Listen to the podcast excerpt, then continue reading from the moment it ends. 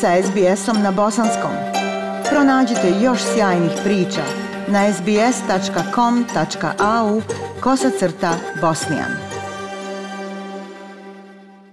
Slušate program SBS radija na bosanskom. U okviru zdravstvene teme donosimo novu epizodu vodiča za useljenike kako prepoznati znake srčanog udara i šta učiniti u tom slučaju. Prema rezultatima istraživanja, bolesti srca su vodeći uzrok smrti u Australiji. U prosjeku jedna osoba umre svakih 12 minuta od posljedica kardiovaskularnih bolesti. Najviše je srčanih udara, od kojeg skoro svaki sat umre po jedan stanovnik Australije.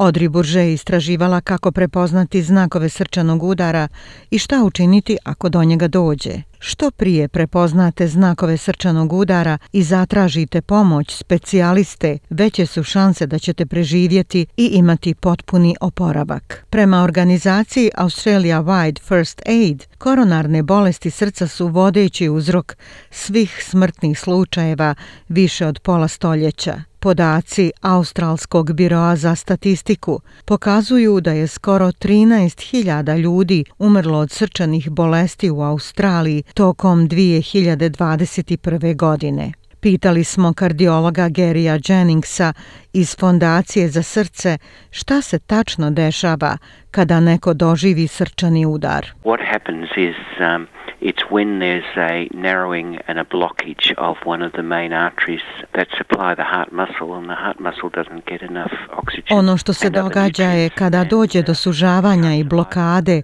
jedne od glavnih arterija koje opskrbljuju srčani mišić krvlju, pa srčani mišić ne dobija dovoljno kisika i drugih hranjivih tvari i ne može preživjeti u tim uslovima. Iako se znakovi upozorenja razlikuju od osobe do osobe, postoji neko nekoliko uobičajenih signala srčanog udara. Kardiolog Rob Pirel iz kardiovaskularne grupe u Queenslandu kaže da je to prije svega bol u grudima. The first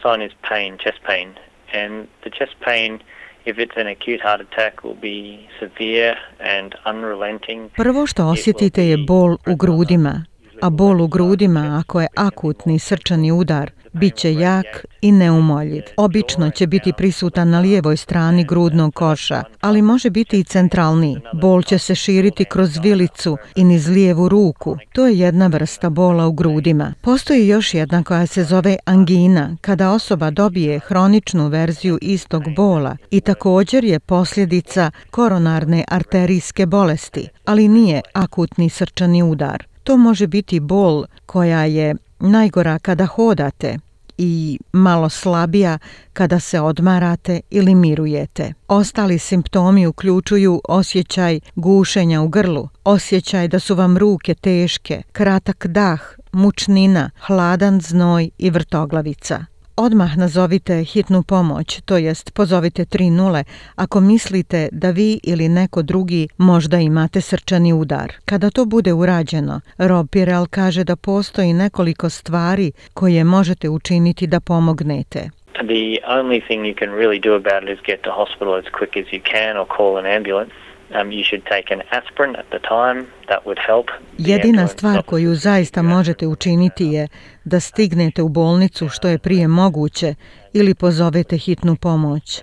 Trebali biste odmah uzeti aspirin koji bi pomogao. Službenici hitne pomoći bi vam dali aspirin kada se pojave. Trebali biste sjesti i odmoriti se. Izbjegavajte dodatno opterećivanje srca sve dok neko ne dođe do vas da ga dalje diagnostifikuje i nastavi liječenje. Možda niste sigurni da imate srčani udar, ali ako postoji i najmanja sumnja, idite u bolnicu. Gary Jennings upozorava da je svaka minuta važna.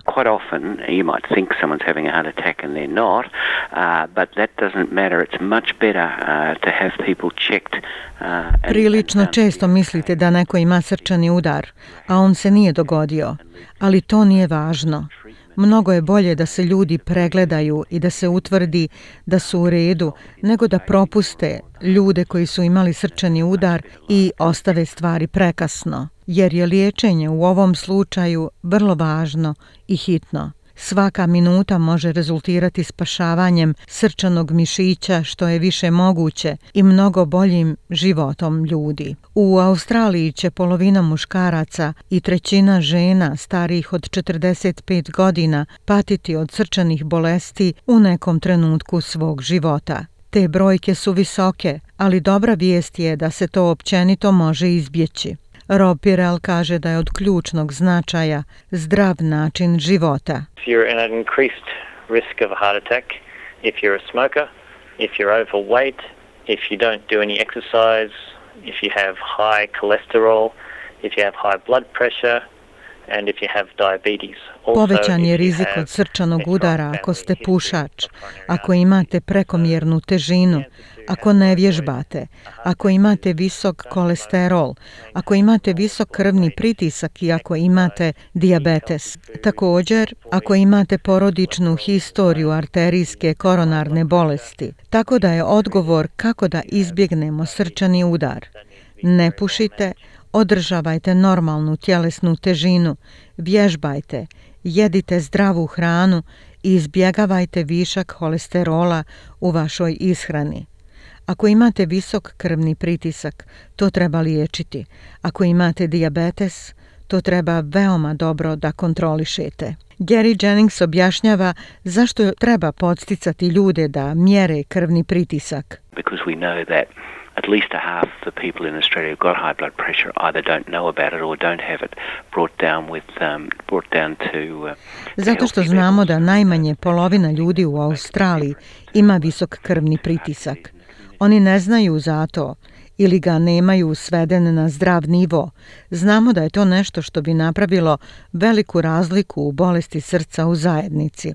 Kardiolog ima još jedan savjet koji bi vam mogao spasiti život – Ustanite sa stolice i krećite se. We've learnt about the hazards of um, of sitting too much, of, of being sedentary. It's not just lack of physical activity, and uh, more and more our life revolves around sitting in front of a computer, sitting at work, sitting in a in a bus or a Naučili smo o opasnostima od uh, previše sjedenja, sjedećeg načina života.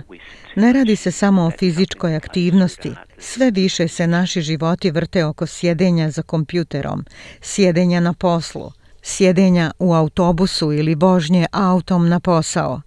Jedna od opasnosti modernog života je to što previše sjedimo i to utiče na srčana oboljenja i druga stanja. Šanse da doživite srčani udar su mnogo manje ako vodite zdrav život. Ali ako se udar dogodi vama ili nekome oko vas, najvažnije je da zapamtite znakove i brzo djelujete. Za više informacija posjetite internetsku stranicu Heart Foundationa heartfoundation.org.au. Ja sam Aisha Hadži Ahmetović. Ostanite uz SBS radio like, share, comment.